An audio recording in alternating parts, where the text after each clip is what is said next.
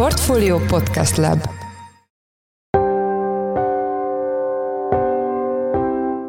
Mindenkit üdvözlünk, ez a Portfolio Checklist december 14-én csütörtökön. A mai műsorban természetesen egy témát járunk körbe, ez pedig az Európai Bizottság szerdai döntése, mely szerint megnyílhat a kohéziós pénzcsap Magyarország felé, hazánk hozzávetőlegesen 10 milliárd eurónyi EU-s pénzhez férhet hozzá. Egyértelműen lemérhető volt a forint reakcióján az, hogy, hogy miként értékelik ezt a befektetők Nagyon sokan azért szkeptikusak voltak. A döntés magyar gazdaságra gyakorolt, illetve Magyarország megítélésére gyakorolt potenciális hatásáról Virovácz Pétert, az ING Bank vezető elemzőjét kérdezzük. Az adás második részében a bizottsági döntés hátterébe ugrunk fejest, és arról is beszélünk majd, hogy mi várható az Ukrajnával kapcsolatos vitás ügyekben a ma kezdődő EU-s csúcson. Ezzel kapcsolatban Szabó Dániel, a portfólió EU-s ügyekkel foglalkozó elemzője lesz a vendégünk, aki Brüsszelből első kézből tudósítja a portfóliót az eseményekről. Én Forrás Dávid vagyok, a Portfólió podcast szerkesztője, ez pedig a checklist december 14-én egy rövid szünet és jövünk vissza.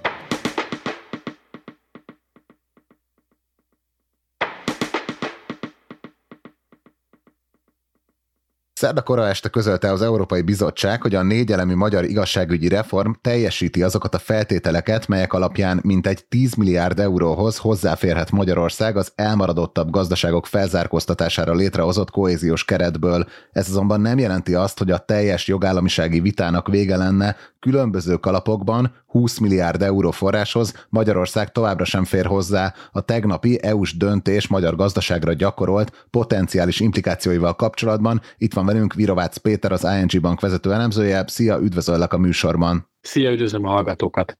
Kezdjük ott, hogy szerinted a tegnapi döntés az alkalmas lehet-e arra, hogy egyértelmű választ adjon a magyar EU-s vagy Magyarország nyugati orientációjával kapcsolatban. Ugye erről sokat beszéltünk az elmúlt években, hogy nem is feltétlenül a konkrét eurók hiányoznak, vagy a konkrét pénzösszeg hiányozhat a magyar gazdaságból, hanem hogyha meginog a befektetők azon hite, hogy Magyarország melyik blokkhoz is akar tartozni a, a, a nagy világgazdasági rendszerben. Hogyha azt nézzük, akkor nagyjából egy egy éve húzódó helyzetre került most pont azzal, hogy lényegében amit látunk, az mindenképpen egyfajta közeledés az Európai Unió irányába, ugyanis bár tavaly év végén született egy elvi megállapodás arról, hogy hogyan is lehet Magyarország, hogyan is félhet hozzá Magyarország a különböző forrásokhoz, azt mindenképpen el kell mondjuk, hogy az elmúlt egy év bizonytalansággal tárt hiszen bár ott született egy elvi megállapodás, nem igazán közeledtek a felek egymáshoz, vagy csak nagyon-nagyon lassan, és meglehetősen egymástak ellentmondó hírek láttak napvilágot. Viszont ez most egy egyértelmű pozitív fejlemény, hiszen nem csak a magyar fél részéről hangzottak el különböző optimista jóslatok, hanem maga az Európai Bizottság is kiadott egy hivatalos közleményt, amelyben azt mondta, hogy Magyarország teljesítette azokat a jogi feltételeket, amelyek szükségesek ennek a nagyjából 10 milliárd eurónak a kiszabadításához. Tehát befektetői szemmel nézve, én azt gondolom, hogy ez mindenképpen hozza azt a fajta várt pozitív lépést, ami segíthet egy kicsit abban, hogy a befektetői bizalom az tovább javuljon Magyarország irányába. Igen, hát azt látjuk is, hogy a, a forint, illetve például az OTP árfolyama is jól reagált erre a hírre. Egyértelműen lemérhető volt a, forint reakcióján az, hogy, hogy miként értékelik ezt a befektetők. Ugye nagyon sokan azért szkeptikusak voltak itt a megállapodással kapcsolatban, pláne abban a tekintetben, hogy egy évezet ugye ezt láttuk, vártuk azt, hogy, hogy valami pozitív fejlemény jöjjön, jött egy pozitív fejlemény, aztán mégsem úgy haladtak a dolgok, tehát némi fenntartás azért még van a befektetőkben, de önmagában az, hogy itt most már forrásokhoz lehet hozzáférni, forrásokat lehet leívni, ez, ez önmagában valóban segítette azt, hogy, hogy a befektetők elkezdenek még intenzívebben érdeklődni a magyar eszközök iránt így az év vége felé. Igen, ugye egy éve is veled elemeztük az akkori döntést, és akkor felhívtad a figyelmet, hogy azért óvatos duhajnak kell lenni. Ugye az idei költségvetési egyensúly egyik legnagyobb problémája azok a magas kamatkiadások, amik valószínűleg a következő években is velünk lesznek. Ugye ezen valamennyit legalább középtávon javíthatna, hogyha tér nyílna egy gyorsabb lazításra a monetáris politikában. Te ennek látod-e most az esélyét? Ugye nagyon-nagyon áttétes hatásokról beszélünk, de ha azt nézzük, hogy önmagában a költségvetés kikönnyíti ez az Európai Uniós forrás beáramlás, akkor arra a válasz egy egyértelmű igen. Hiszen itt, amiről beszélünk, az gyakorlatilag finanszírozási kérdés. Tehát amikor sikerül leívni ezeket az uniós forrásokat, akkor ezek a pénzek beáramlanak a magyar állam kasszába, és ez azt jelenti, hogy a folyó költségvetési hiányt azt igazándiból nem feltétlenül a piacról kell finanszírozni, hanem a beérkező Európai Uniós forrásokkal meg lehet ezt tenni. És innentől kezdve ezen keresztül lehet egy olyan állampapírpiaci hatás, hogy végül az eladósság kezelő központnak nem kell annyi állampapírt kibocsátania. És igazániból ezt már látjuk is a december 1-én kibocsátott finanszírozási tervben, ami hát meglehetősen optimistának tűnt akkor, de nyilván így most már az Európai Uniós döntés fényében mindenképpen egy lépéssel közelebb kerültünk ennek a realitásához, hogy ez itt valóban megvalósítható terv legyen. És nyilván ezen keresztül, hogyha kevesebb az állampapír kibocsátás, az ritkásabban elérhető, és ha valami ritkábban elérhető, akkor az persze értékesebb is, és ezen keresztül az értékesebb kötvény alacsonyabb hozamot jelent, vagyis ezen keresztül is javíthatja a költségvetési helyzetet. És hát persze innentől kezdve, meg már megint áttételes hatásokról beszélünk, javuló befektetői bizalom, erősebb forint, esetleg ezeken keresztül alacsonyabb infláció, és hát ez vezethet el végül oda, hogy már maga a jegybank is ugye egy kicsikét nagyobb mozgástérrel komfortosabban végezheti a kamatvágásokat. De akkor, ha jól értem, arról azért nincs szó, hogy megnyugodhatunk, és továbbra is nagyon fontos, hogy egy kiszámítható pályán közlekedjen tovább az MNB. Hogyha megnézzük a globális kockázatokat, akkor még mindig inkább arról kell beszélnünk, hogy nagyon-nagyon sok olyan esemény van körülöttünk, aminél, hogyha bármiféle eszkaláció következik be, akkor bizony nagyon könnyen visszaszaladhatnak az inflációs ráták, nem csak Magyarországon, hanem, hanem globálisan, és éppen ezért nem szabad hátradőlni és leengedni gyakorlatilag ebből a, ebből a feszült figyelmi állapotból, hiszen bármikor képesnek kell lenni a jegybanknak reagálni, és igazándiból ez a fajta óvatosság, én azt gondolom, hogy továbbra is jellemzi majd a Magyar Nemzeti Bankot, és hát én azt gondolom, hogy ennek a, a megtestesülése az az, hogy továbbra is pozitív reálkamat környezetet céloz majd a jegybank, ami azt jelenti, hogy folyamatosan, tartósan az aktuális inflációs rátánál magasabb kamatokat tart majd a jegybank. Tehát valóban egy kamatcsökkentési ciklusban vagyunk, ez folytatódhat, akár kedvezőbb is teheti ezeket a kilátásokat, tehát az Európai Uniós történet, de önmagában ettől még az infláció elleni küzdelem nem zárult le, még mindig nem 3% körüli, még mindig az árstabilitás körüli inflációról beszélünk. Utolsó kérdésem, hogy te hogy látod, általánosságban nyugodtabban fordulhatunk erre az ünnepi szezonra, mint tavaly? Ugye jelentősen magasabb a devizatartalékunk, tehát kisebb a külső sérülékenységünk, ahogy te is mondtad, azért csökken az infláció, csökkennek a kamatok, az energiaárak azért konszolidálódtak.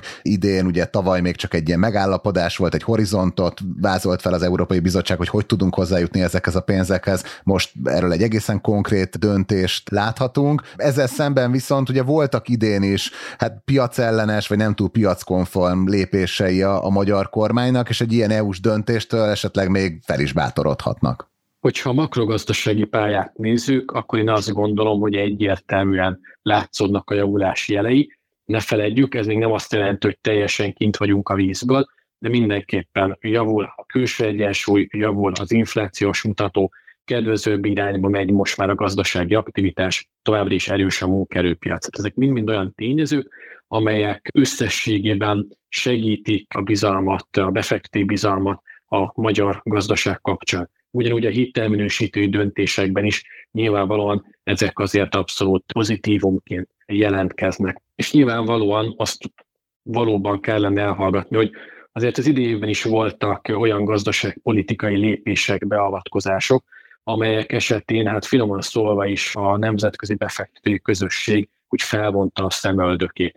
De hát az a helyzet, hogy ez Magyarország esetében nem egyedi eset, hanem már régóta így működik a gazdaságpolitika, nagyon sok esetben nevezhetjük ezt flexibilitásnak, rugalmasságnak is, de hogy nagyon sok esetben rugalmasan alkalmazkodik a megváltozott környezethez maga a gazdaságpolitika, és szerintem akár a befektetők, akár a hazai vállalati szektor lassan már kezd hozzászokni ehhez a fajta gazdaságpolitikához, és innentől kezdve én nem gondolnám, hogy ebben bármiféle változás lenne, tehát a vállalati, a befektetői reakciókat önmagában szerintem nem befolyásolja az, hogyha gyakorlatilag megmarad ez az üzletmenet, tehát időről időre, ha szükséges, akkor a gazdaságpolitika gyors reagálással beavatkozik, és megpróbál általa hát anomáliának vélt dolgokat kezelni. Hát nagyon szépen köszönjük a gyors elemzésedet, illetve ezt a kitekintést is a, a végén. Az elmúlt percekben Virovácz Péter, az ING Bank vezető elemzője volt a checklist vendége. Köszönjük szépen, hogy a rendelkezésünkre álltál. Minden jót!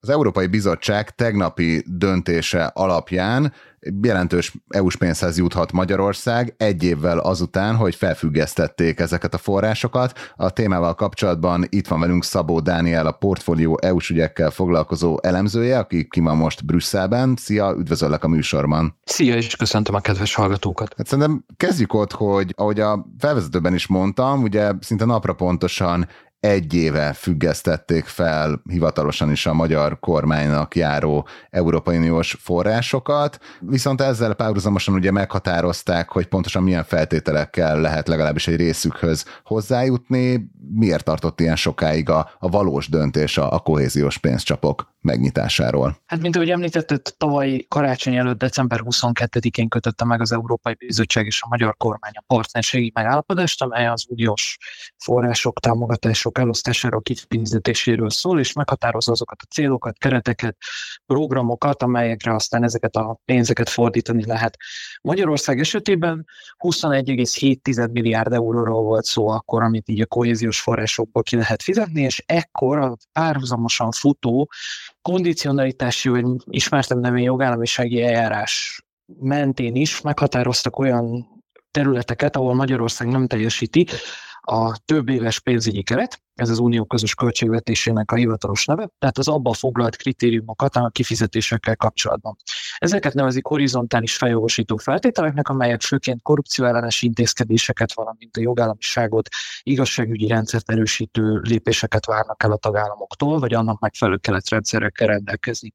Viszont Magyarország ezeknek a bizottság ítélete alapján nem felelt meg, és itt arra jutottak, hogy miután egy éven keresztül mondta azt Brüsszel, hogy nincs összefüggés a partnerségi megállapodásról szóló tárgyalások és a jogállamisági eljárás között, hogy végül is a jogállamisági eljárásban meghatározott igazságügyi tételeket, valamint egyébként a helyreállítási alap forrásainál meghatározott szupermérföldkövek között lévő igazságügyi tételeket szabták feltételül ahhoz, hogy Magyarország hozzáférhessen a kohéziós pénzekhez. Azt nagyon fontos tisztázni, hogy ezt a 21,7-21,9 milliárd euró összeget egészében blokkoltak, tehát hogyha még más eljárások nem is lettek volna Magyarországgal szemben, akkor sem lehetett volna egyetlen egy eurónyi kohéziós kifizetést sem folyósítani a magyar költségvetés számára.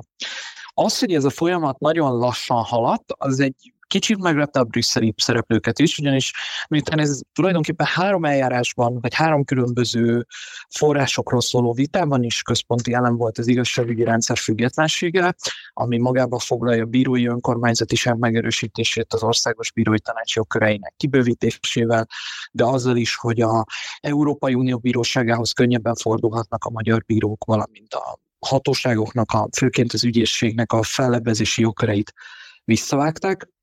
Tehát, hogy ezeket a lépéseket úgy gondolták, hogy mindegyik elemnek, minden pénzkalapnak a kiszabadításához szükséges, gyorsabban lehet haladni. És az elején úgy is tűnt, hogy a magyar kormány is minél hamarabb ki akarná szabadítani ezeket a forrásokat, ugyanis már január végén megjelent társadalmi egyeztetésen az igazságügyi reformot jelentő törvénycsomag, aztán erről végül is áprilisra sikerült is egy technikai szintű megállapodásra jutni az Európai Bizottsággal, tehát ez az a folyamat, amikor a szakértők, jogászok azt mondják, hogy igen, alapjaiban ez egy szakmailag megfelelő anyag, és akkor erre kellett egy politikai kollégiumtól érkező jóváhagyás is.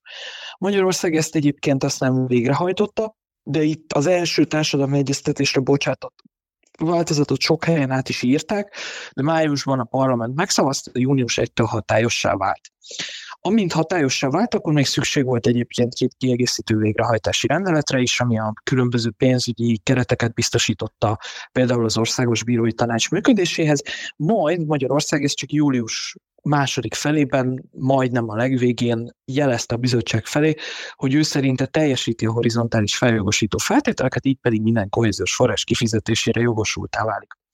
Az Európai Bizottságnak legfeljebb 90 napja volt lefolytatni ezt az eljárást, viszont ez egy nagyon bonyolult jogi módszerrel volt végrehajtva.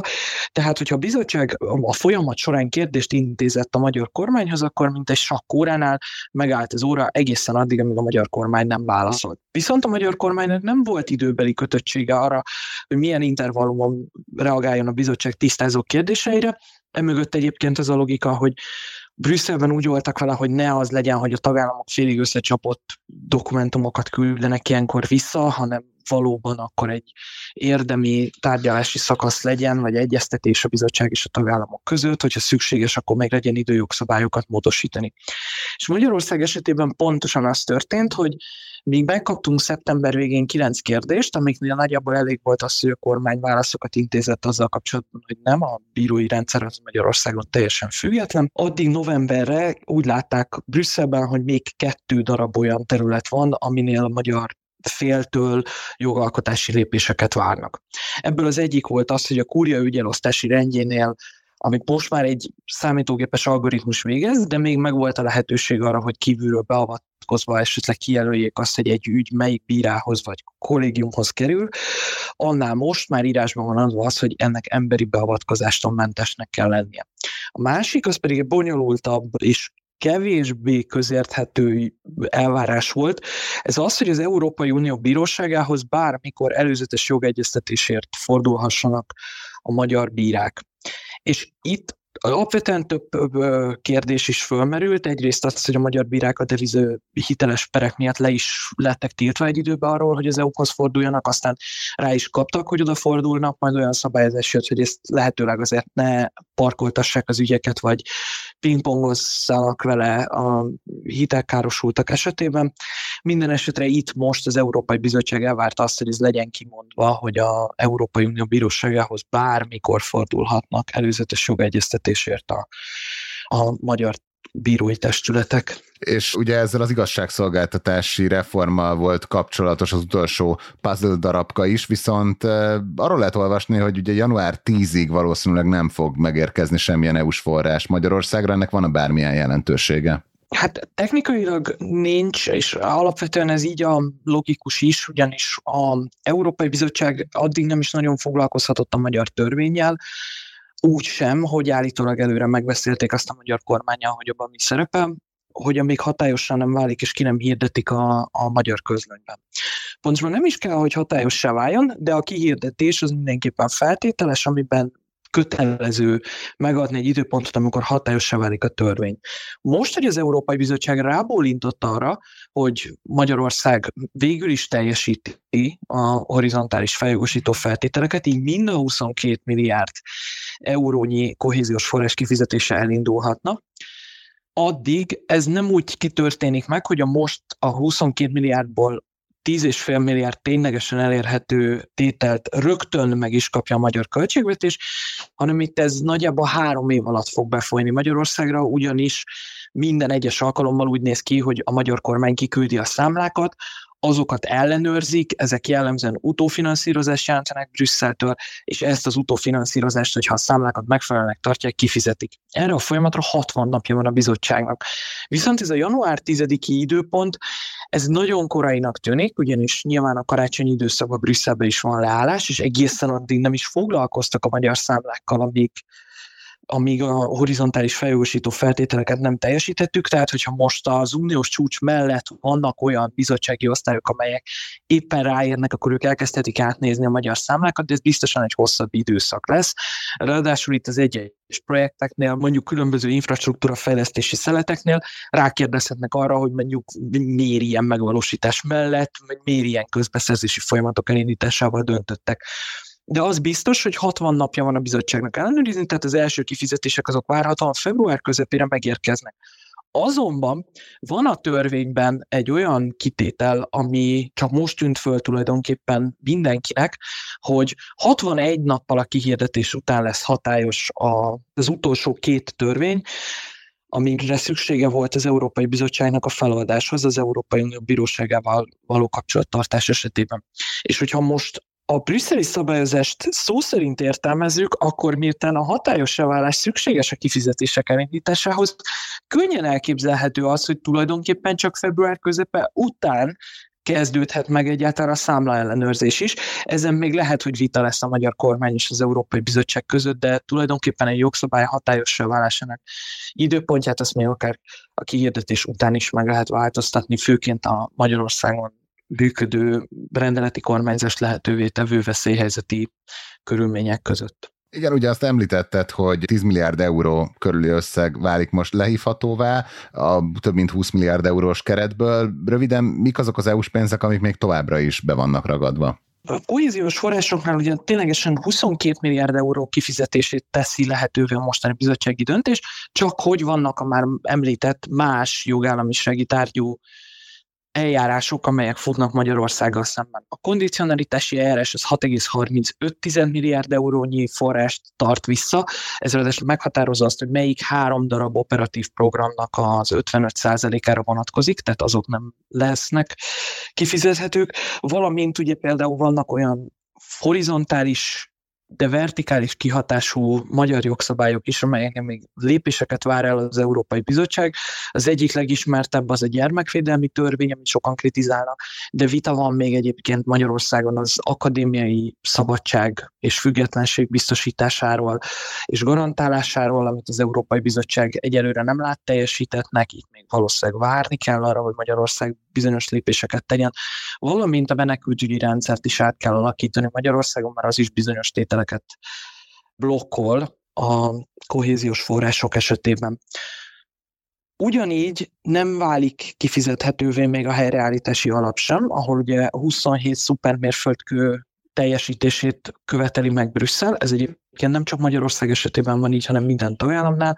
A helyreállítási alap ráadásul máshogy is működik, mint a kohéziós források, tehát előlegfizetést olyan mértékben, mint a felzárkóztatási alapnál nem lehet végrehajtani, hanem a helyreállítási eszköz esetében mindig utófinanszírozás van, tehát hogyha egy projektet készre jelent a magyar kormány, akkor azt megvizsgálják, és utána érkezhetnek meg az ezzel kapcsolatos utalások. De itt is vannak még olyan elvi problémák a kifizetéseknél, amelyek egyébként jogállamisági tárgyúak, amelyeket még kezelni kellene, és ez egyébként blokkolja a Repower EU fejezetnek, tehát a RRF hitel részének a kifizetéseit is.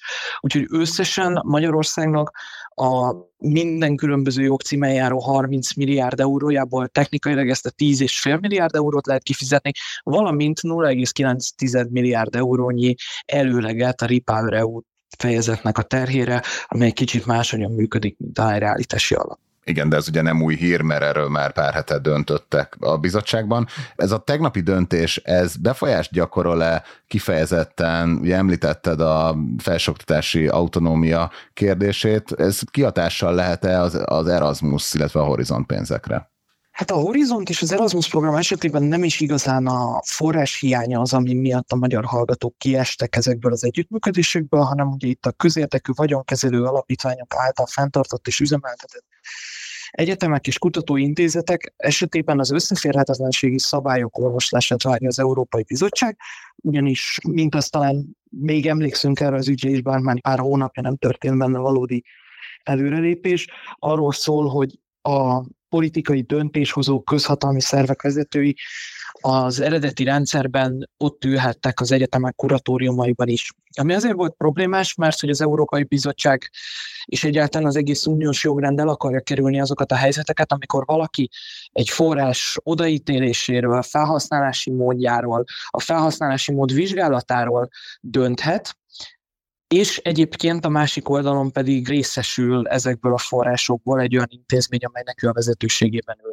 És itt ugye még várják azt, hogy a magyar kormány megnyugtatlanul orvosolja azt, hogy az egyetemi kuratóriumokban egyáltalán milyen szereplők kerülhetnek, fontosabb, hogy kik nem kerülhetnek, és az, hogy őket milyen folyamat során választják ki. Összességében tehát ez a mostani ítélet nem hozza közelebb azt, hogy az Erasmus vagy a Horizont pályázatokba könnyebben visszajussanak a jelenleg kizárt intézmények, de annyiban viszont jelenthet előrelépést, hogyha szót tudott érteni az Európai Bizottság és a magyar kormány a horizontális feljogosító feltételekről szóló eljárásban, akkor vélhetően lassan ezt is meg tudják majd oldani, és könnyebben tárgyalnak már. Ugye, ahogy említettem a bevezetőben, Kim vagy Brüsszelben, mit mondanak a forrásaid a helyszínen? A tegnapi döntés az gyakorolhat-e hatást a ma kezdődő EU-s csúcs dinamikájára? Ugye itt nagy kérdés, hogy változik-e a magyar álláspont az Ukrajnának nyújtandó 50 milliárd eurós támogatással, illetve azzal kapcsolatban, hogy, hogy hozzájárul-e az ukrán EU-s csatlakozás megkezdéséhez. Számítanak arra, hogy valamennyire változtathat az egész folyamatnak a dinamikáján. Vannak olyan hangok, akik szerint most, hogy látja a magyar kormány, hogy tulajdonképpen akár februárig megfelelő jogalkotási módokkal a helyreállítási alap forrásait, a Repower EU fejezetet és a kohéziós pénzeknek a beragadt részét is ki tudja szabadítani, akkor tulajdonképpen, és hogyha tényleg csak ennek a 30,5 milliárd eurónyi magyar tételnek a kiszabadítása a feltétel ahhoz, hogy, hogy megszavazza az Ukrajnának járó támogatásokat, valamint a csatlakozási tárgyalások megkezdését, akkor lehet, hogy kivárják. De más diplomatákkal, ahogy beszéltem, több uniós országban, például a baltiaknál, a lengyeleknél, de még nyugat-európai nagyobb hatalmaknál Németország is kétségesnek tartják azt, hogy megéri kivárni ezt, és nem fog egy újabb magyar követelés érkezni, hogyha ha februárig ezeket az eljárásokat sikerrel is zárják. Amúgy sem tartja szimpatikusnak azt az Európai Uniós intézményrendszer, hogy egy tagállam összekapcsol egymástól teljesen független ügyeket, de az, hogy az Európai Tanácsban az egyes országok állam és kormányfői hogyan döntenek, az mindig egy teljesen más világ, mint ahogy azt a, a bürokraták szokták látni. Annyi van most sokan bizakodók, hogy lehet, hogy a magyar kormány ezt már ilyen részleges kompromisszumnak éli meg, bár tényleg teljesen független egymástól a két ügy, hiszen egy igazságügyi reform teljesítése kellett a források kiszabadításához, és ebben az Ukrajnával kapcsolatos vita az csak egy ilyen politikai, kommunikációs termék lett mindkét oldalon. Tehát hogy arra, arra számítanak, hogy talán ezek esetleg egy kicsit közelítheti a magyar álláspontot az, az összuniós szempontrendszerhez. De azt is fontos látni, hogy az 50 milliárd eurós Ukrajnának folyosítandó támogatásnak a módjáról rengeteg tagállam van, amelyik másként gondolkodik, mint az Európai Bizottság javaslata, tehát nem feltétlenül a közös költségvetésen belül rendeznék ezeket a kifizetéseket, hanem létrehoznának egy külön eszközt, külön alapot, felmerült már az is, hogy háborús kötvényeket bocsássanak ki Ukrajna számára. Tehát itt azért vannak alternatív megoldások, és nem feltétlenül azon fog múlni, hogy Magyarország milyen módon ellenkezik ezzel szemben. Ami meglepő, hogy például a rendkívül fukar Németország már nagyon sokat közeledett ahhoz, hogy jó, akkor ezt az uniós országok valamilyen befizetéséből és esetleg más eszközök összevonásából finanszírozzák meg. Nagyon szépen köszönjük, hogy betekintést nyújtottál ezekbe a folyamatokba. Természetesen az összes fontosabb EU-s fejleményről tudósítasz Brüsszelből, úgyhogy ezt érdemes követni a portfólión. Az elmúlt percekben Szabó Dániel a portfólió EU-s ügyekkel foglalkozó elemzője volt a checklist vendége. Köszönjük szépen, hogy a rendelkezésünkre álltál. Köszönöm szépen a lehetőséget, sziasztok!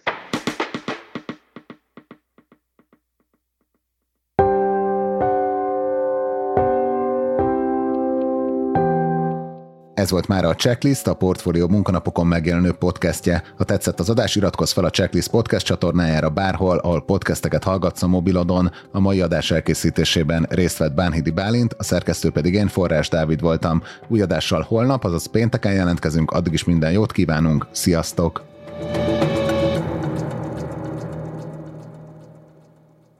Reklám következik.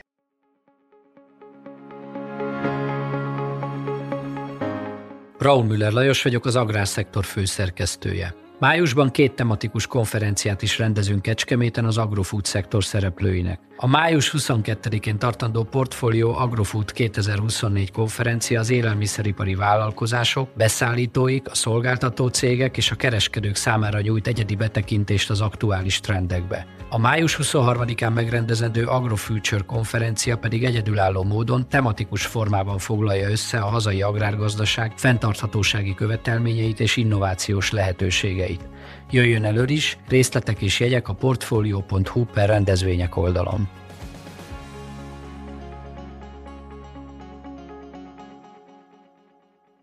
Reklámot hallottak.